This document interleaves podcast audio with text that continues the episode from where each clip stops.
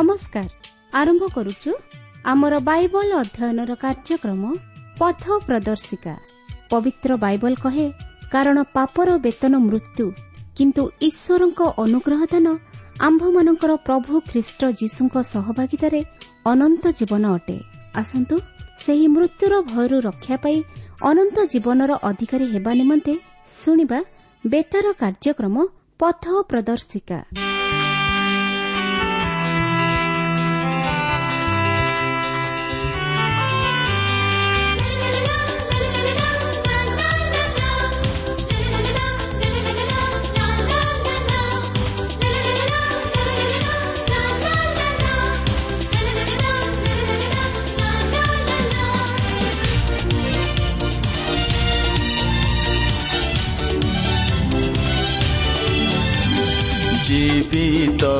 ଯିଶୁ ଜୀବିତ ମୋ ଅନ୍ତରେ ଯିଶୁ ଜୀବିତ ସଙ୍କଟରେ ସଦା ସହାୟ ଯିଶୁ ସଦା ଜୀବିତ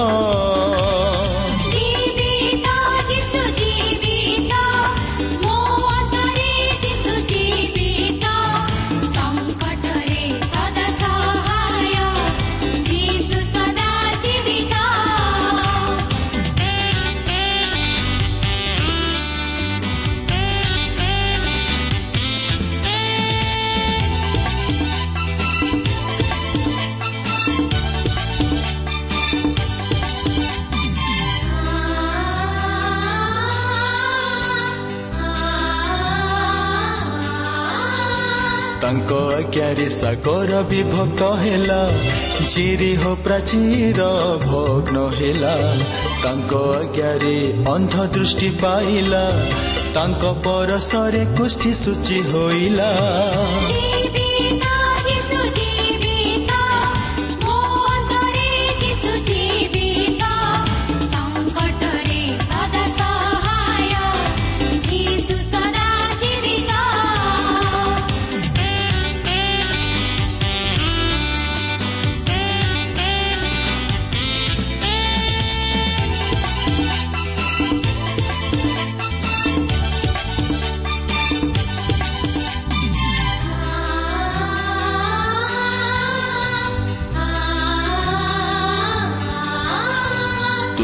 ନ ଛାଡ଼ି ପଛେ ଚାଲିବି କହିଛ ମୁଁ ନିତ୍ୟ ସମ୍ଭାଳିବି। ମୃତ୍ୟୁ ପରେ ମୋତେ ସ୍ୱର୍ଗରେ ଗ୍ରାହ୍ୟ କର ପ୍ରଭୁ ନିଜ ଗୃହରେ। ଜୀବିତ ଯିଶୁ ଜୀବିତ ମୋ ଅନ୍ତରେ ଯିଶୁ ଜୀବିତ। ସଙ୍କଟରେ ସଦା ସହାୟ ଯିଶୁ ସଦା ଜୀବିତ। ଯିଶୁ ସଦା ଜୀବିତ ଯିଶୁ ସଦା ଜୀବିତ ଯିଶୁ ସଦା ଜୀବିତ ପ୍ରିୟ ଶ୍ରୋତା ବନ୍ଧୁ ଆଜିର ଏହି ଶୁଭ ଅବସରରେ ଆମମାନଙ୍କର ସୃଷ୍ଟିକର୍ତ୍ତା ତଥା ଉଦ୍ଧାରକର୍ତ୍ତା ପ୍ରଭୁ ଶ୍ରୀଖ୍ରୀଷ୍ଟଙ୍କ ବହୁମୂଲ୍ୟ ନାମରେ ଶୁଭେଚ୍ଛା ଜଣାଏ ଆଜିର ଏହି ପଥ ପ୍ରଦର୍ଶିକା କାର୍ଯ୍ୟକ୍ରମକୁ ଆପଣଙ୍କୁ ସ୍ୱାଗତ ଜଣାଏ ଆପଣ ଏହି କାର୍ଯ୍ୟକ୍ରମର ଜଣେ ନିୟମିତ ଶ୍ରୋତା ଜାଣିବା ବିଶେଷ ଖୁସି ପ୍ରଭୁଙ୍କ ନାମକୁ ଧନ୍ୟବାଦ ଦେଉ କେବଳ ସେତିକି ନୁହେଁ ଆପଣଙ୍କର ପ୍ରାର୍ଥନାର ଅନୁରୋଧ ରକ୍ଷା କରି ଆମେ ଆପଣଙ୍କ ନିମନ୍ତେ ପ୍ରାର୍ଥନା କରୁଅଛୁ। ଆଉ ସେ ପ୍ରଭୁ ଯୀଶୁ ନିଶ୍ଚିତ ଭାବରେ ଆପଣଙ୍କର ଦୁଃଖ ଦୂର କରିବେ। ଆସନ୍ତୁ ତାହେଲେ ପ୍ରଭୁଙ୍କର ବାକ୍ୟ ମଧ୍ୟ ଦେଇଯିବା ପୂର୍ବରୁ ପ୍ରାର୍ଥନାର ସହିତ ପ୍ରଭୁଙ୍କ ବାକ୍ୟର ନିକଟବର୍ତ୍ତୀ ହେବା। ଆସନ୍ତୁ ସଂକ୍ଷେପରେ ପ୍ରାର୍ଥନା କରିବା। ପ୍ରିୟ ପବିତ୍ର ପ୍ରଭୁ ଧନ୍ୟବାଦ କରୁଅଛୁ ଏହି ସୁନ୍ଦର ସମୟ ପାଇଁ। ପ୍ରଭୁ ତୁମର ବାକ୍ୟ ମଧ୍ୟ ଦେଇ ତୁମେ ଆମମାନଙ୍କ ସହିତ କଥା କୁହ। ତୁମର ଇଚ୍ଛା ତୁମର ଅଭିମତକୁ ବୁଝିବା ନିମନ୍ତେ ତୁମେ ଆମମାନଙ୍କୁ ଜ୍ଞାନ ବିଶିଷ୍ଟ ଅନ୍ତକଣ ଦାନ କର। ପ୍ରତ୍ୟେକ ଶ୍ରୋତାମାନଙ୍କୁ ତୁମେ ଆଶୀର୍ବାଦ କର ଏବଂ ପ୍ରତ୍ୟେକଙ୍କର ମନସ୍କାମନା ତୁମେ ପୂର୍ଣ୍ଣ କରି ପ୍ରତ୍ୟେକଙ୍କର ଜୀବନ ମଧ୍ୟ ଦେଇ ତୁମେ ଗୌରବାନ୍ୱିତ ହୁଅ ସେବିତ ପୂଜିତ ମହିମାନ୍ୱିତ ହୁଅ। ଯୀଶୁଙ୍କ ନାମରେ ମାଗୁଅଛୁ ଆମେନ୍।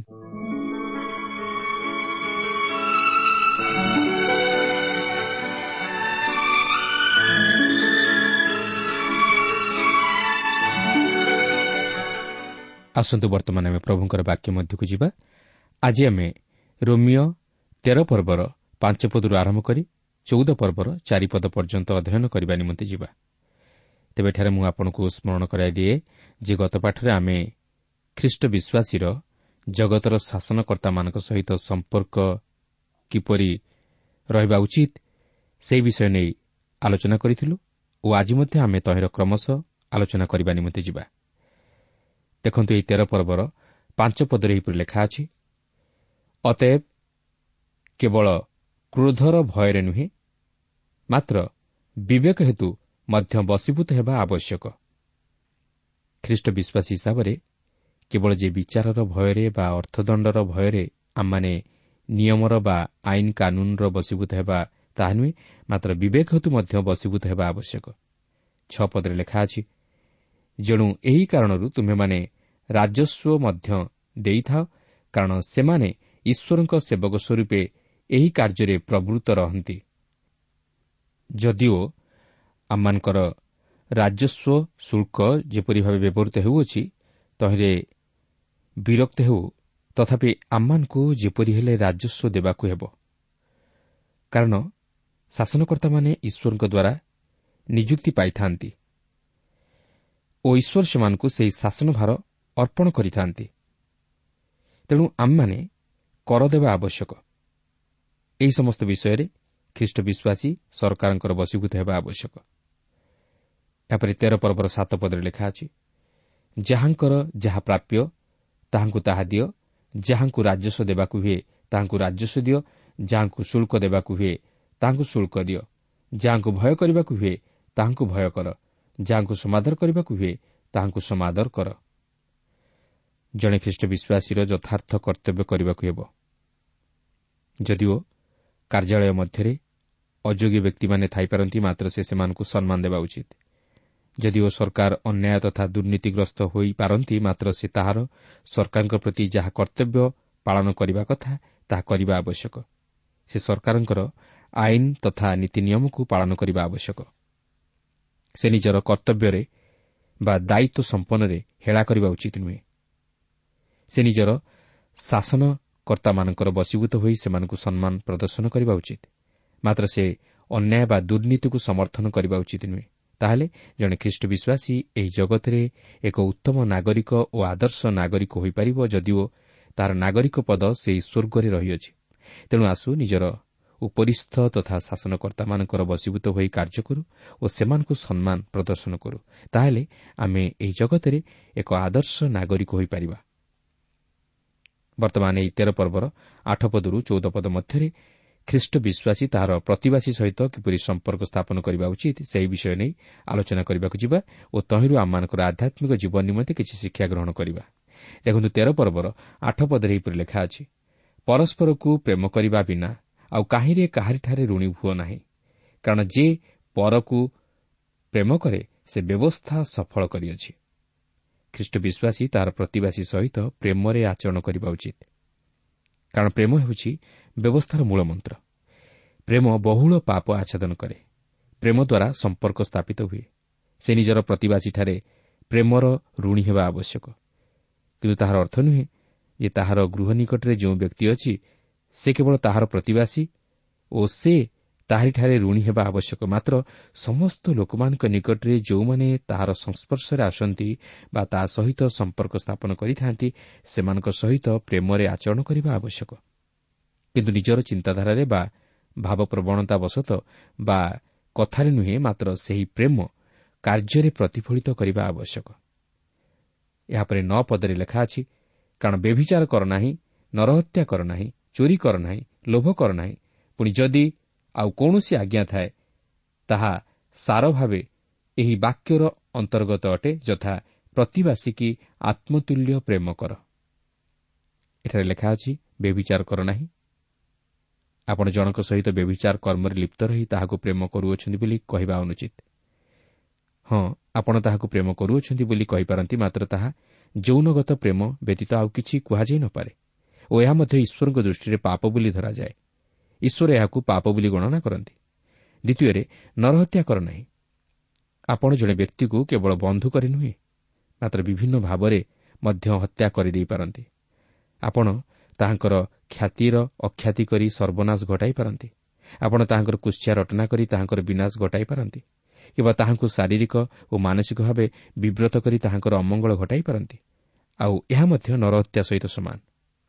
ଏହାପରେ ତୃତୀୟରେ ଚୋରି କର ନାହିଁ। ଆପଣ ଯଦି ନିଜର ପ୍ରତିବାସୀକୁ ପ୍ରେମ କରନ୍ତି ତାହେଲେ ଆପଣ ଅସାଧୁ ଉପାୟରେ ତାହାଙ୍କଠାରୁ କୌଣସି ବିଷୟ ହାସଲ କରିବାକୁ ଚାହିଁବେ ନାହିଁ। ଏହାପରେ ଚତୁର୍ଥରେ ଲୋଭ କର ନାହିଁ ବୋଲି ଲେଖା ଅଛି।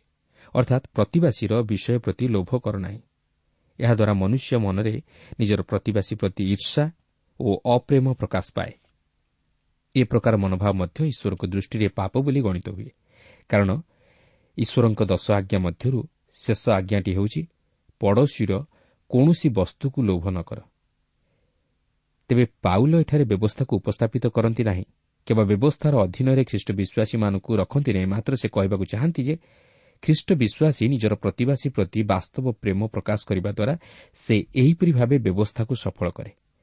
କାରଣ ଜଣେ ବିଶ୍ୱାସୀ ଯେତେବେଳେ ନିଜର ପ୍ରତିବାସୀକୁ ବାସ୍ତବରେ ପ୍ରେମ କରେ ସେତେବେଳେ ସେ ନିଜର ପ୍ରତିବାସୀ ସହିତ ବ୍ୟଭିଚାର କରେ ନାହିଁ କି ନରହତ୍ୟା କରେ ନାହିଁ କି ଚୋରି କରେ ନାହିଁ କି ତାହାର କୌଣସି ବସ୍ତୁକୁ ଲୋଭ କରେ ନାହିଁ। କାରଣ ଏସବୁ ପ୍ରକାର ମନ୍ଦ କାର୍ଯ୍ୟ ନ କରିବା ଦ୍ୱାରା ପ୍ରେମ ଆପେ ଆପେ ପ୍ରକାଶିତ ହୁଏ। ଆପଣ ନିଜର ପ୍ରତିବାସୀକୁ ପ୍ରେମ କରୁଅଛନ୍ତି ବୋଲି କହିପାରନ୍ତି କିନ୍ତୁ ଆପଣ ଯଦି ଏହିସବୁ ମନ୍ଦ କାର୍ଯ୍ୟ ନିଜର ପ୍ରତିବାସୀ ବିରୁଦ୍ଧରେ କରନ୍ତି ତାହେଲେ ଆପଣଙ୍କର ତାହାଙ୍କ ପ୍ରତି ବାସ୍ତବ ପ୍ରେମ ନାହିଁ। କାରଣ ପ୍ରେମ ବହୁଳ ପାପ ଆଚ୍ଛାଦନ କରେ। ପ୍ରେମ ଦୀର୍ଘ ସହିଷ୍ଣୁ ପ୍ରେମ ହିତଜନକ ଈର୍ଷା କରେ ନାହିଁ ଆତ୍ମବଡ଼ିମା କରେ ନାହିଁ ଅହଙ୍କାର କରେ ନାହିଁ ଅନୁଚିତ ବ୍ୟବହାର କରେ ନାହିଁ ସ୍ୱାର୍ଥ ଚେଷ୍ଟା କରେ ନାହିଁ ବିରକ୍ତ ହୁଏ ନାହିଁ ଅପକାର ସ୍ମରଣରେ ରଖେ ନାହିଁ ଅଧର୍ମରେ ଆନନ୍ଦ କରେ ନାହିଁ କିନ୍ତୁ ସତ୍ୟରେ ଆନନ୍ଦ କରେ ସମସ୍ତ ସହ୍ୟ କରେ ସମସ୍ତ ବିଶ୍ୱାସ କରେ ସମସ୍ତ ଭରସା କରେ ସମସ୍ତ ବିଷୟରେ ଧୈର୍ଯ୍ୟ ଧରି ରହେ। ଏହାପରେ ତେର ପର୍ବର ଦଶ ପଦରେ ଲେଖା ଅଛି ପ୍ରେମ ପ୍ରତିବାସୀର ଅନିଷ୍ଟ କରେ ନାହିଁ ଅତଏବ ପ୍ରେମ ବ୍ୟବସ୍ଥା ସଫଳ କରେ। ବାସ୍ତବରେ ଆପଣ ଆପଣଙ୍କର ପ୍ରତିବାସୀকে ପ୍ରେମ କରିବା ଦ୍ୱାରା ବ୍ୟବସ୍ଥାକୁ ସଫଳ କରନ୍ତି। କାରଣ ଏହି ପ୍ରେମ ପବିତ୍ର ଆତ୍ମାଙ୍କର ଫଳ।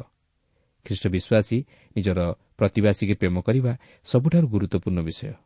କାରଣ ଏହା ହିଁ ହେଉଛି ବ୍ୟବସ୍ଥାର ସାର। ଏହି ପ୍ରେମ ଦ୍ୱାରା ସବୁକିଛି ସାଧିତ ହୁଏ। ଏହି ପ୍ରେମ ବ୍ୟବସ୍ଥା ସଫଳ କରେ।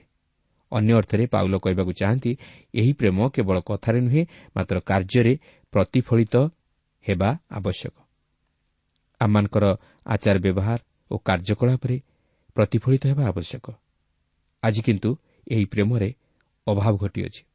ତେଣୁକରି ଆଜି ଖ୍ରୀଷ୍ଟୀୟ ମଣ୍ଡଳୀ ତଥା ସମ୍ପ୍ରଦାୟ ମଧ୍ୟରେ ବିଶୃଙ୍ଖଳା ଓ ବାଦ ବିସମ୍ବାଦ ଉପୁଜୁଅଛି। ଏକତାର ଅଭାବ ଶାନ୍ତିର ଅଭାବ ମଣ୍ଡଳୀର ଆତ୍ମିକ ଜୀବନ ଦୁର୍ବଳ। ହଁ ଆମେ ଈଶ୍ୱରଙ୍କୁ ତଥା ପ୍ରଭୁ ଯୀଶୁଙ୍କୁ ପ୍ରେମ କରିପାରୁ। ମାତ୍ର ପ୍ରତିବାସୀ ପ୍ରତି ଆମେ କ'ଣ ବାସ୍ତବ ପ୍ରେମ ଦେଖାଇପାରୁଛୁ କି? ଯଦି ତାହା ଦେଖାଯାଉ ନାହିଁ ତାହେଲେ ଖ୍ରୀଷ୍ଟ ବିଶ୍ୱାସ ହିସାବରେ ଆମମାନେ ଖ୍ରୀଷ୍ଟଙ୍କର ଆଦେଶକୁ ପାଳନ କରିପାରୁନାହୁଁ। ତେଣୁ ଆସୁ ନିଜର ପ୍ରତିବାସୀମାନଙ୍କ ସହିତ ଅର୍ଥାତ୍ ଯେଉଁମାନଙ୍କର ସଂସ୍ପର୍ଶରେ ଓ ଯୋଗାଯୋଗରେ ଆମମାନେ ଆସୁ ସେମାନଙ୍କ ସହ ପ୍ରେମରେ ଆଚରଣ କରୁ।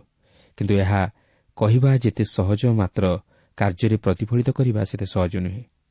ମାତ୍ର ତାହା ଆମମାନଙ୍କୁ ସାଧନ କରିବାକୁ ହେବ। କାରଣ ଖ୍ରୀଷ୍ଟ ତାହା ହିଁ ତାହାଙ୍କର ବିଶ୍ୱାସୀମାନଙ୍କର ଜୀବନରୁ ଆଶା କରନ୍ତି।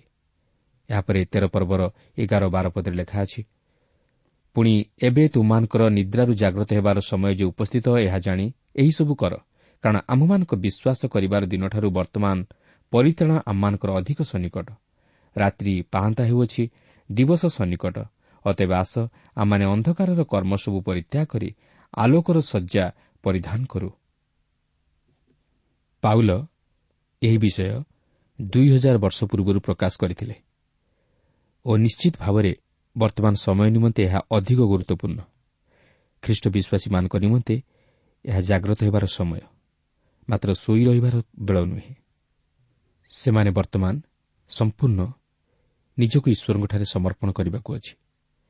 ମୋର ପ୍ରିୟ ବନ୍ଧୁ ଈଶ୍ୱରଙ୍କ ସନ୍ତାନମାନେ ଜଗତର ବିଷୟକୁ ପ୍ରେମ କରିବାର ଏହା ସମୟ ନୁହେଁ ବା ଜଗତ ନିମନ୍ତେ ବଞ୍ଚିବାର ସମୟ ନୁହେଁ। ମାତ୍ର ଈଶ୍ୱରଙ୍କ ନିମନ୍ତେ ବଞ୍ଚିବାର ସମୟ। ଆପଣ କ'ଣ ଈଶ୍ୱରଙ୍କ ନିମନ୍ତେ କିଛି ଅଧିକାର କରିପାରିଛନ୍ତି? ଈଶ୍ୱରଙ୍କ ନିମନ୍ତେ କିଛି ଲାଭ କରିପାରିଛନ୍ତି? ଈଶ୍ୱରଙ୍କ ନିମନ୍ତେ ନିଜର ସମୟ ତଥା ଅର୍ଥ କ'ଣ ବିନିଯୋଗ କରୁଅଛନ୍ତି? ଯଦି ନାହିଁ ତାହେଲେ ବର୍ତ୍ତମାନ ମଧ୍ୟ ସମୟ ଅଛି। ଜଗତର ସମସ୍ତ ଜାଗତିକତା ଓ ଅନ୍ଧକାରର କାର୍ଯ୍ୟସବୁକୁ ପରିତ୍ୟାଗ କରି ଈଶ୍ୱରଙ୍କ ନିକଟରେ ସମ୍ପୂର୍ଣ୍ଣ ସମର୍ପିତ ଜୀବନଯାପନ କରିବା ନିମନ୍ତେ ଚେଷ୍ଟା କରୁ। ଆପଣଙ୍କର ଶକ୍ତି ସାମର୍ଥ୍ୟ ସମୟ ଈଶ୍ୱରଙ୍କ ଉଦ୍ଦେଶ୍ୟରେ ଅର୍ପଣ କରନ୍ତୁ ଓ ଆଲୋକର ସନ୍ତାନ ପରି କାର୍ଯ୍ୟ କରନ୍ତୁ। ତେଣୁ ଆସୁ ଜଗତ ନିମନ୍ତେ ନ ବଞ୍ଚି ଈଶ୍ୱରଙ୍କ ନିମନ୍ତେ ବଞ୍ଚୁ ଓ ଈଶ୍ୱରଙ୍କର ଅଭିମତକୁ ସାଧନ କରୁ। କାରଣ ପ୍ରଭୁ ଯୀଶୁଖ୍ରୀଷ୍ଟ ଅତି ଶୀଘ୍ର ଏହି ଜଗତକୁ ଆଗମନ କରିବାକୁ ପାଇଁ ଯାଉଅଛନ୍ତି ଏହି ଜଗତର ବିଚାର କରିବା ପାଇଁ। ତାଙ୍କର ଆଗମନ ଅତି ସନ୍ନିକଟ ଆମମାନେ ତାଙ୍କର ଆଗମନକୁ ଜାଗ୍ରତ ରହି ଅପେକ୍ଷା କରିବାକୁ ହେବ। ଆମମାନେ ତାହାଙ୍କର ଆଗମନ ନିମନ୍ତେ ପ୍ରସ୍ତୁତ ରହିବାକୁ ହେବ। ଯେପରି ଆମମାନେ ତାହାଙ୍କ ସହ ମିଳିତ ହୋଇପାରିବା ଓ ତାହାଙ୍କ ଦ୍ୱାରା ଗୃହୀତ ହୋଇପାରିବା। ତେଣୁକରି ଆସନ୍ତୁ ଏହି ଦୁର୍ଦ୍ଦିନ ସମୟରେ ସତର୍କ ଜୀବନଯାପନ କରିବା ସଙ୍ଗେ ସଙ୍ଗେ ଖ୍ରୀଷ୍ଟଙ୍କ ନିମନ୍ତେ ବଞ୍ଚୁ ଓ ଈଶ୍ୱରଙ୍କର ସନ୍ତାନତ୍ୱର ଅଧିକାର ପ୍ରାପ୍ତ ହେଉ। ଏହାପରେ ତେର ପର୍ବର ତେର ପଦରେ ଲେଖା ଅଛି ରଙ୍ଗରସ ଓ ମତତାରେ ଲମ୍ପଟତା ଓ କାମୁକତାରେ ବିବାଦ ଓ ଈର୍ଷାରେ ଆଚରଣ ନ କରି ଆସ ଆମମାନେ ଦିବସର ବିହିତ ଭଦ୍ର ଆଚରଣ କରୁ। ଅନ୍ୟ ଅର୍ଥରେ କହିବାକୁ ଗଲେ ଆସନ୍ତୁ ସେହି ସମୟର ବିଶ୍ୱାସୀମାନଙ୍କ ପରି ସାଧୁତାର ସହିତ ଆଚରଣ କରୁ। କିନ୍ତୁ ରଙ୍ଗରସ ଓ ମତତାରେ ଲମ୍ପଟତା ଓ କାମୁକତାରେ ବିବାଦ ଓ ଈର୍ଷାରେ ଆଚରଣ ନ କରି ଦିବସର ସନ୍ତାନମାନଙ୍କ ପରି ଆଚରଣ କରୁ। ଖ୍ରୀଷ୍ଟ ବିଶ୍ୱାସୀ ଅନ୍ଧକାରର ସନ୍ତାନ ନୁହେଁ ମାତ୍ର ଦିବସର ସନ୍ତାନ। କାରଣ ଯିଏ ଖ୍ରୀଷ୍ଟ ବିଶ୍ୱାସୀ ସେ କେବେ ହେଲେ ଅନ୍ଧକାରରେ କାର୍ଯ୍ୟ ସବୁକୁ ପସନ୍ଦ କରିବ ନାହିଁ। ମାତ୍ର ଦିବସର କାର୍ଯ୍ୟ ସବୁକୁ ପସନ୍ଦ କରିବ। ସେ ପାପରେ ଜୀବନଯାପନ କରିବାକୁ ପସନ୍ଦ କରିବ ନାହିଁ। ମାତ୍ର ଧର୍ମରେ ଜୀବନଯାପନ କରିବାକୁ ପସନ୍ଦ କରିବ। ପ୍ରିୟ ବନ୍ଧୁ ଆପଣ ଆଜି କାହାର ସନ୍ତାନ? ଆପଣ ଆଜି କେଉଁ କାର୍ଯ୍ୟକୁ ପସନ୍ଦ କରନ୍ତି? କିନ୍ତୁ ଯେଉଁମାନେ ଦିବସର ସନ୍ତାନ ସେମାନେ ଧାର୍ମିକ କାର୍ଯ୍ୟକୁ ପସନ୍ଦ କରିବେ। ଓ ଈଶ୍ୱରଙ୍କର ଗୌରବ ଓ ମହିମା ପ୍ରକାଶ କରିବେ। ଆଜି ଯଦି ଆମେ ଖ୍ରୀଷ୍ଟଙ୍କୁ ଗ୍ରହଣ କରିଅଛୁ ତାହେଲେ ଆମେ ଆଉ ଅନ୍ଧକାରର ସନ୍ତାନ ନୁହୁଁ ମାତ୍ର ଦିବସର ସନ୍ତାନ ଅଟୁ। ତେଣୁ ଦିବସର ସନ୍ତାନ ପରି କାର୍ଯ୍ୟ କରୁ। ଏଣୁ ଉକ୍ତ ଅଛି ହେ ନିଦ୍ରିତ ଜାଗ ମୃତମାନଙ୍କ ମଧ୍ୟରୁ ଉଠ ପୁଣି ଖ୍ରୀଷ୍ଟ ତୁମକୁ ଆଲୋକ ପ୍ରଦାନ କରିବେ। ଏହାପରେ ତେର ପର୍ବର ଚଉଦ ପଦରେ ଲେଖା ଅଛି ପୁଣି ପ୍ରଭୁ ଯୀଶୁଖ୍ରୀଷ୍ଟଙ୍କୁ ତୁମେମାନେ ବସ୍ତ୍ର ରୂପେ ପରିଧାନ କର। ଆଉ କୁ ଅଭିଳାଷ ଉଦ୍ରେକ କରିବା ସକାଶେ ଶରୀର ନିମନ୍ତେ ଆୟୋଜନ କର ନାହିଁ। ଆଜି ଅନେକ ଖ୍ରୀଷ୍ଟ ବିଶ୍ୱାସୀମାନେ ସେମାନଙ୍କ ଶାରୀରିକ ଜୀବନ ନିମନ୍ତେ ବିଶେଷ ଚିନ୍ତିତ ଓ ସେମାନେ ନିଜର ଶରୀର ନିମନ୍ତେ ବା ଶାରୀରିକ ଜୀବନରେ ବଞ୍ଚି ରହିବା ନିମନ୍ତେ ଅନେକ ଯୋଜନା କରନ୍ତି ଓ ନିଜର ଶାରୀରିକ ଭରଣ ପୋଷଣକୁ ପ୍ରଥମ ସ୍ଥାନ ଦିଅନ୍ତି। ମାତ୍ର ସେମାନେ ଈଶ୍ୱରଙ୍କ ରାଜ୍ୟ ଓ ଧାର୍ମିକତାକୁ ପ୍ରଥମ ସ୍ଥାନ ଦିଅନ୍ତି ନାହିଁ। ସେମାନେ ଖ୍ରୀଷ୍ଟଙ୍କୁ ନିଜ ଜୀବନରେ ପ୍ରଥମ ସ୍ଥାନ ଦିଅନ୍ତି ନାହିଁ ମାତ୍ର ନିଜକୁ ପ୍ରଥମ ସ୍ଥାନ ଦିଅନ୍ତି। ପ୍ରିୟ ବନ୍ଧୁ ଖ୍ରୀଷ୍ଟଙ୍କୁ ନିଜ ଜୀବନରେ ପ୍ରଥମ ସ୍ଥାନ ଦେବା ହେଉଛି ଖ୍ରୀଷ୍ଟ ବିଶ୍ୱାସୀର କର୍ତ୍ତବ୍ୟ। ଓ ଖ୍ରୀଷ୍ଟଙ୍କର ସେହି ଧାର୍ମିକତା ରୂପ ବସ୍ତ୍ରରେ ବସ୍ତ୍ରାନ୍ୱିତ ହେବା ହେଉଛି ଖ୍ରୀଷ୍ଟ ବିଶ୍ୱାସୀର ନିତାନ୍ତ ପ୍ରୟୋଜନ। ତେଣୁ ଆସୁ ଶରୀର ନିମନ୍ତେ ଚିନ୍ତିତ ନ ହୋଇ ଯେ ଏହି ଶରୀର ଦେଇଅଛନ୍ତି ସେହି ସୃଷ୍ଟିକର୍ତ୍ତା ତଥା ଉଦ୍ଧାରକର୍ତ୍ତା ପ୍ରଭୁ ଯୀଶୁଙ୍କୁ ଏହି ଶରୀରରେ ଗୌରବ ଦେଉ ଓ ତାହାଙ୍କ ନିମନ୍ତେ ବଞ୍ଚୁ। ତାହେଲେ ଆମେ ଜୀବନରେ ତାହାଙ୍କୁ ଗୌରବ ଦେବା ସଙ୍ଗେ ସଙ୍ଗେ ସେହି ଅନନ୍ତ ଜୀବନର ଅଧିକାରୀ ହୋଇପାରିବା ଓ ସେହି ଅକ୍ଷୟ ଅନନ୍ତ ତଥା ସ୍ୱର୍ଗୀୟ ଧନରେ ଧନବାନ ହୋଇପାରିବା। ଆସନ୍ତୁ ଏହାପରେ ଆମେ ରୋମିଓ ଚଉଦ ପର୍ବଟିକୁ ଅଧ୍ୟୟନ କରିବା ନିମନ୍ତେ ଯିବା। ଏହି ଚଉଦ ପର୍ବର ମୁଖ୍ୟ ପ୍ରସଙ୍ଗ ହେଉଛି ଖ୍ରୀଷ୍ଟ ବିଶ୍ୱାସୀର ଦୁର୍ବଳ ବିଶ୍ୱାସୀମାନଙ୍କ ସହିତ ସମ୍ପର୍କ ଓ ଖ୍ରୀଷ୍ଟ ବିଶ୍ୱାସୀର କାର୍ଯ୍ୟକଳାପ ନେଇ ନୀତି ନିୟମ ଏହି ପର୍ବରେ ଈଶ୍ୱରଙ୍କର ସନ୍ତାନମାନଙ୍କର ଏକ ପୃଥକୀକୃତ ଜୀବନଯାପନ ନେଇ ପ୍ରକାଶ କରାଯାଇଅଛି। ଚଉଦ ପର୍ବର ପ୍ରଥମ ପଦରେ ଏହିପରି ଲେଖା ଅଛି ବିଶ୍ୱାସରେ ଯିଏ ଦୁର୍ବଳ ତାକୁ ଗ୍ରହଣ କର କିନ୍ତୁ ବିଭିନ୍ନ ମତ ସମ୍ବନ୍ଧରେ ତର୍କ ବିତର୍କ କରିବା ନିମନ୍ତେ ତାହା କର ନାହିଁ। ଏଠାରେ ପ୍ରେରିତ ପାଉଲ ଧର୍ମଶାସ୍ତ୍ର ମଧ୍ୟରେ ଯେଉଁ ସମସ୍ତ ବିଷୟ ନେଇ ନିଷେଧ କରାଯାଇ ନାହିଁ ସେହି ସମସ୍ତ ବିଷୟକୁ ନେଇ ପ୍ରଶ୍ନ କରି ଦୋଷାରୋପ କରିବା ବିରୁଦ୍ଧରେ ଏକ ସତର୍କବାଣୀ ପ୍ରଦାନ କରନ୍ତି। ଏଠାରେ ଲେଖା ଅଛି ବିଶ୍ୱାସରେ ଯେ ଦୁର୍ବଳ। ଏହାର ଅର୍ଥ ନୁହେଁ ଜଣେ ସୁଷମାଚାରର ମହାନ ସତ୍ୟତା ସମ୍ବନ୍ଧରେ ଦୁର୍ବଳ। ମାତ୍ର ଏହା ବିଶ୍ୱାସର ପାର୍ଥକ୍ୟତାର ଗୁଣକୁ ପ୍ରକାଶ କରେ। ଏହାର ଅର୍ଥ ଦୁର୍ବଳ ବିଶ୍ୱାସୀର ବିଶ୍ୱାସ ଆଚାର ବ୍ୟବହାର ନେଇ ଦ୍ୱିଧାଭାବ ବହେ। କେତେକ ବିଷୟ ନେଇ ତାହାକୁ କ'ଣ କରିବାକୁ ହେବ ତାହା ସେ ଜାଣେ ନାହିଁ। ଏହିପରି ଦୁର୍ବଳ ବିଶ୍ୱାସୀମାନଙ୍କୁ ବିଶ୍ୱାସୀମାନଙ୍କ ଗହଣରେ ସାଦରେ ଗ୍ରହଣ କରିବା ଉଚିତ। ଆପଣ ତାହାଙ୍କ ସହିତ ରାଜି ହୋଇ ନ ପାରନ୍ତି କିନ୍ତୁ ଆପଣ ତାହାଙ୍କୁ ଗ୍ରହଣ କରିବାକୁ ହେବ ଯଦି ସେ ଖ୍ରୀଷ୍ଟଙ୍କଠାରେ ବିଶ୍ୱାସ କରି ଖ୍ରୀଷ୍ଟ ବିଶ୍ୱାସୀ ଭାବରେ ଗଣିତ ଆପଣ ତାହାଙ୍କୁ କେତେକ ପ୍ରଶ୍ନବାଚୀ ବିଷୟଗୁଡ଼ିକ ଉପରେ ଯୁକ୍ତି କରିବା ଅଭିପ୍ରାୟରେ ତାହାଙ୍କୁ ଗ୍ରହଣ କରିବା ଠିକ୍ ନୁହେଁ ଖ୍ରୀଷ୍ଟୀୟ ଆଚାର ବ୍ୟବହାର ନେଇ କେତେକ ପ୍ରଶ୍ନବାଚୀ ବିଷୟ ଉପରେ ଏକ ବିଶ୍ୱାସୀ ଦଳ ଅନ୍ୟ ବିଶ୍ୱାସୀ ଦଳର ବିଚାର କରିବା ନିମନ୍ତେ ବସିବା ଠିକ୍ ନୁହେଁ କେତେକ ବିଷୟ ଧର୍ମଶାସ୍ତ୍ରରେ ଅପରାଧ ବୋଲି ଗଣାଯାଏ ନାହିଁ। ମାତ୍ର କେତେକ ବିଶ୍ୱାସୀ ସେମାନଙ୍କ ନିଜକୁ ସେହି ସମସ୍ତ ବିଷୟରୁ ନିଜକୁ ପୃଥକ ରଖିଅଛନ୍ତି। ଏବଂ ଯଦି ସେମାନେ ଏହି ବିଷୟ କରିବାକୁ ଚାହାନ୍ତି ତାହା ସେମାନଙ୍କ ଉପରେ ନିର୍ଭର କରେ। କିନ୍ତୁ ଏହି ସମସ୍ତ ବିଷୟ ବିଶ୍ୱାସୀମାନଙ୍କୁ ପୃଥକ କରିବା ନିମନ୍ତେ ନୁହେଁ। ଧର୍ମଶାସ୍ତ୍ରରେ ଯେଉଁ ବିଷୟ ପୂରାପୂରି ମନା କରାଯାଇ ନାହିଁ ସେହି ବିଷୟକୁ କେନ୍ଦ୍ର କରି ବ୍ୟକ୍ତିଗତ ସ୍ୱାଧୀନତା ଉପରେ ପ୍ରଶ୍ନ କରିବା ବା ତହିଁ ଉପରେ କିଛି ନିଷ୍ପତ୍ତି ନେବା ଉଚିତ ନୁହେଁ। ଏହାପରେ ଚଉଦ ପର୍ବର ଦୁଇ ପଦରେ ଲେଖା ଅଛି ସମସ୍ତ ପଦାର୍ଥ ଭୋଜନ କରିବା ନିମନ୍ତେ ଜଣେ ଲୋକର ବିଶ୍ୱାସ ଅଛି। କିନ୍ତୁ ଯେ ବିଶ୍ୱାସରେ ଦୁର୍ବଳ ସେ କେବଳ ଶାକ ଭୋଜନ କରେ ଏହି ବିଷୟଟି ଅନେକଙ୍କ ମନରେ ବିଭିନ୍ନ ପ୍ରଶ୍ନ ଆଣିଦେଇପାରେ ମାତ୍ର ଏହା ବିଶ୍ୱାସ ଉପରେ ନିର୍ଭର କରେ। କାରଣ ଯେଉଁ ଭାଇ ବିଶ୍ୱାସରେ ଦୃଢ଼ ସେ ସମସ୍ତ ବିଷୟ ଭୋଜନ କରୁଅଛି। ମାତ୍ର ଯେଉଁ ଭାଇ ବିଶ୍ୱାସରେ ଦୁର୍ବଳ ସେ ନିରାମିଷ ଭୋଜି। ଯେଉଁ ଭାଇ ବିଶ୍ୱାସରେ ସବଳ ସେ ବିଶ୍ୱାସ କରେ ଯେ ପ୍ରଭୁ ଯୀଶୁ ସମସ୍ତ ବିଷୟକୁ ସୂଚୀ କରିଅଛନ୍ତି ଅର୍ଥାତ୍ ସମସ୍ତ ଖାଦ୍ୟ ପଦାର୍ଥକୁ ସୂଚୀ କରିଅଛନ୍ତି। ମାର୍କ ସାତ ପର୍ବର ଉଣେଇଶ ପଦରେ ଲେଖା ଅଛି ଯାହା କିଛି ବାହାରୁ ମନୁଷ୍ୟ ଭିତରେ ପ୍ରବେଶ କରେ ତାହା ତାହାକୁ ଅସୂଚୀ କରିପାରେ ନାହିଁ। କାରଣ ତାହା ତାହାର ହୃଦୟରେ ପ୍ରବେଶ କରେ ନାହିଁ। ମାତ୍ର ଉଦରରେ ପ୍ରବେଶ କରି ବାହ୍ୟ ସ୍ଥାନରେ ବହିର୍ଗତ ହୁଏ ଓ ଏହି ପ୍ରକାରେ ସମସ୍ତ ଖାଦ୍ୟ ପରିଷ୍କୃତ ହୋଇଥାଏ ଏହା କ'ଣ ବୁଝୁନାହଁ? ଆଉ ସେ କହିଲେ ଯାହା ମନୁଷ୍ୟଠାରୁ ବାହାରେ ତାହା ହିଁ ତାହାକୁ ଅସୂଚୀ କରେ। ଆଦି ପୁସ୍ତକ ନଅ ପର୍ବର ତିନି ପଦ ଅନୁଯାୟୀ ଜଳପ୍ଲାବନ ପରେ ଈଶ୍ୱର ସମସ୍ତ ପ୍ରକାର ମାଂସ ଭୋଜନ କରିବା ନିମନ୍ତେ ଅନୁମତି ଦେଲେ। ଦେଖନ୍ତୁ ସେଠାରେ ଏହିପରି ଲେଖା ଅଛି ପ୍ରତ୍ୟେକ ଗମନଶୀଳ ପ୍ରାଣୀ ତୁମାନଙ୍କର ଖାଦ୍ୟ ହେବ ଆମ୍ଭେ ହରିତ ଶାକ ପରି ଏହି ସମସ୍ତ ତୁମାନଙ୍କୁ ଦେଲୁ। ଈଶ୍ୱର ଇସ୍ରାଏଲ୍ ଜାତି ନିମନ୍ତେ ସୂଚୀ ଓ ଅସୂଚୀ ପ୍ରାଣୀ ମଧ୍ୟରେ ଏକ ଭିନ୍ନତା ରଖିଥିଲେ। କିନ୍ତୁ ଖ୍ରୀଷ୍ଟ ବିଶ୍ୱାସୀ ଜାଣେ ଯେ ଏହି ବ୍ୟବସ୍ଥା ତାହା ପ୍ରତି ପ୍ରଯୁଜ୍ୟ ନୁହେଁ। କାରଣ ପ୍ରଥମ କରନ୍ତି ଆଠ ପର୍ବର ଆଠ ପଦରେ ପ୍ରେରିତ ପାଉଲ ଏହିପରି ପ୍ରକାଶ କରନ୍ତି କିନ୍ତୁ ଖାଦ୍ୟଦ୍ରବ୍ୟ ଆମମାନଙ୍କୁ ଈଶ୍ୱରଙ୍କ ନିକଟରେ ଗ୍ରାହ୍ୟ କି ଅଗ୍ରାହ୍ୟ କରାଏ ନାହିଁ ଭୋଜନ ନ କଲେ ଆମମାନଙ୍କର କ୍ଷତି ହୁଏ ନାହିଁ କିମ୍ବା ଭୋଜନ କଲେ ଆମମାନଙ୍କର ଲାଭ ହୁଏ ନାହିଁ। ଆପଣଙ୍କର ମନେଥିବ ପିତର ସେହି ଜାଫରେ ସିମନଙ୍କ ଗୃହରେ ଏହି ବିଷୟ ନେଇ ଏକ ବ୍ୟବହାରିକ ଶିକ୍ଷା ମଧ୍ୟ ପାଇଥିଲେ ଯାହାକି ପ୍ରେରିତ ଦଶ ପର୍ବର ନଅ ପଦରୁ ଷୋହଳ ପଦ ମଧ୍ୟରେ ଉଲ୍ଲେଖ ହୋଇଅଛି। ପିତର ମନେ ମନେ ନିଜକୁ ଅତି ଗର୍ବ ଅନୁଭବ କରୁଥିଲେ ଯେ ସେ କୌଣସି ଅସୂଚୀ ବିଷୟ ଭୋଜନ କରିନାହାନ୍ତି। କିନ୍ତୁ ପବିତ୍ର ଆତ୍ମା ତାଙ୍କୁ କହିଲେ ଈଶ୍ୱର ଯାହା ସୂଚୀ କରିଅଛନ୍ତି ତୁମେ ତାହାକୁ ଅସୂଚୀ ବୋଲି ନ କୁହ।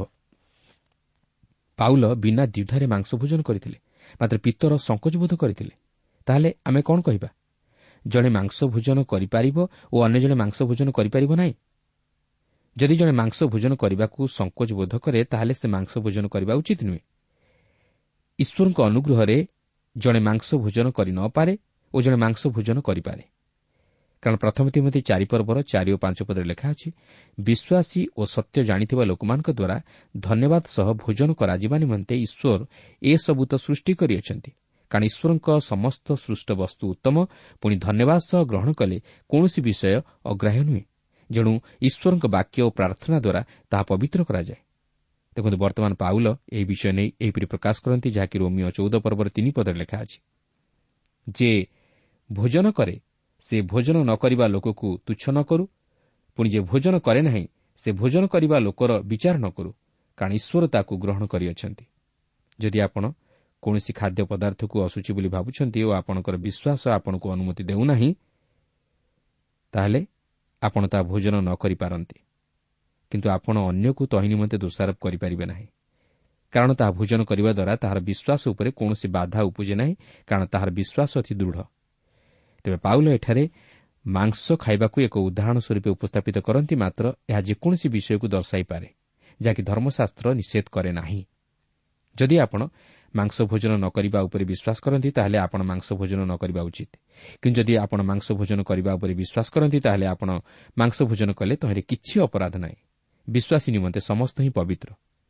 ଚଉଦ ପର୍ବର ଚାରିପଦରେ ଲେଖା ଅଛି ତୁମ୍ଭେ କିଏ ଯେ ଅନ୍ୟର ଦାସର ବିଚାର କରୁଅଛ? ସେ ଆପଣା ପ୍ରଭୁ ନିକଟରେ ସ୍ଥିର ରୁହେ ବା ପତିତ ହୁଏ। ହଁ ତାହାକୁ ସ୍ଥିର ରଖାଯିବ କାରଣ ତାହାକୁ ସ୍ଥିର ରଖିବାକୁ ପ୍ରଭୁଙ୍କର ଶକ୍ତି ଅଛି। ଏହି ବିଷୟଟି ଯଦିଓ ହୃଦୟକୁ ଆଘାତ ଦିଏ ମାତ୍ର ଆମେ କିଏ ଯେ ଅନ୍ୟର ବିଚାର କରିବା ଆମେ କିଏ ଯେ ଅନ୍ୟ ଜଣେ ଖ୍ରୀଷ୍ଟ ବିଶ୍ୱାସୀର କାର୍ଯ୍ୟକଳାପ ନେଇ ଉଠୁଥିବା ପ୍ରଶ୍ନ ଉପରେ ବିଚାର କରିବା ଆମେ କ'ଣ ଈଶ୍ୱର ସେହି ବ୍ୟକ୍ତି କ'ଣ ଆମମାନଙ୍କ ନିକଟରେ ଉତ୍ତରଦାୟୀ? ପାଉଲ କହନ୍ତି ସେ ଆମମାନଙ୍କ ନିକଟରେ ଉତ୍ତରଦାୟୀ ନୁହେଁ ସେ ଈଶ୍ୱରଙ୍କ ନିକଟରେ ଉତ୍ତରଦାୟୀ। ସେ ତାହାର ନିଜ ପ୍ରଭୁର ନିକଟରେ ଛିଡ଼ା ହେବାକୁ ଯାଉଛି। ଆପଣ ହୁଏତ ଏହିପରି ସନ୍ଦେହଜନକ ବିଷୟ ମୋହର କାର୍ଯ୍ୟକଳାପରେ ଲକ୍ଷ୍ୟ କରି ମୋ ସହିତ ସେହି ବିଷୟରେ ଏକମତ ହୋଇ ନ ପାରନ୍ତି ମାତ୍ର ମୋତେ ଆପଣଙ୍କ ନିକଟରେ ଉତ୍ତରଦାୟୀ ହେବାକୁ ପଡ଼ିବ ନାହିଁ। ଆପଣ ମୋହର ପ୍ରଭୁ ନୁହନ୍ତି ମାତ୍ର ମୁଁ ପ୍ରଭୁ ଯୀଶୁଖ୍ରୀଷ୍ଟଙ୍କ ନିକଟରେ ଉତ୍ତରଦାୟୀ ଯେହେତୁ ସେ ମୋହର ପ୍ରଭୁ। ତେଣୁ ଆସୁ ପ୍ରଭୁଙ୍କର ବାକ୍ୟ ଉପରେ ଗୁରୁତ୍ୱ ଦେଇ ଆନ୍ତରିକ ଜୀବନରେ ତାହାଙ୍କର ପବିତ୍ରତା ରକ୍ଷା କରିବାକୁ ଚେଷ୍ଟା କରୁ। ପ୍ରଭା ପ୍ରତ୍ୟେକଙ୍କୁ ଏହି ସଂକ୍ଷିପ୍ତ ଆଲୋଚନା ମଧ୍ୟ ଦେଇ ଆଶୀର୍ବାଦ କରନ୍ତୁ।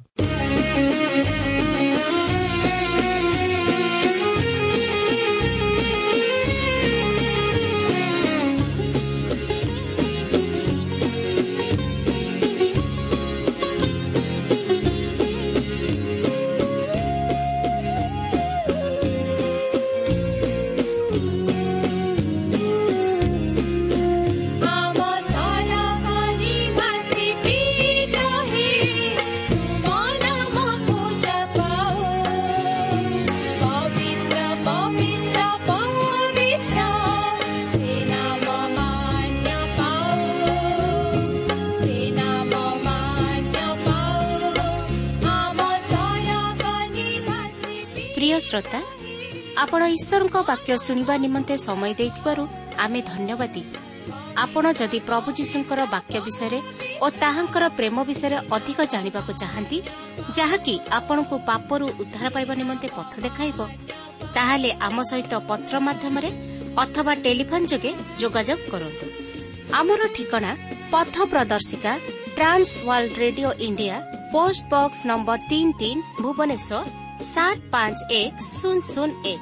Mobile number nine seven double seven double two one four one five ঠিকଣାটি আউথরে ଶୁଣନ୍ତୁ ପଥ ପ୍ରଦର୍ଶିକା trans world radio India post box number three three Bhubaneswar seven five one zero zero one mobile number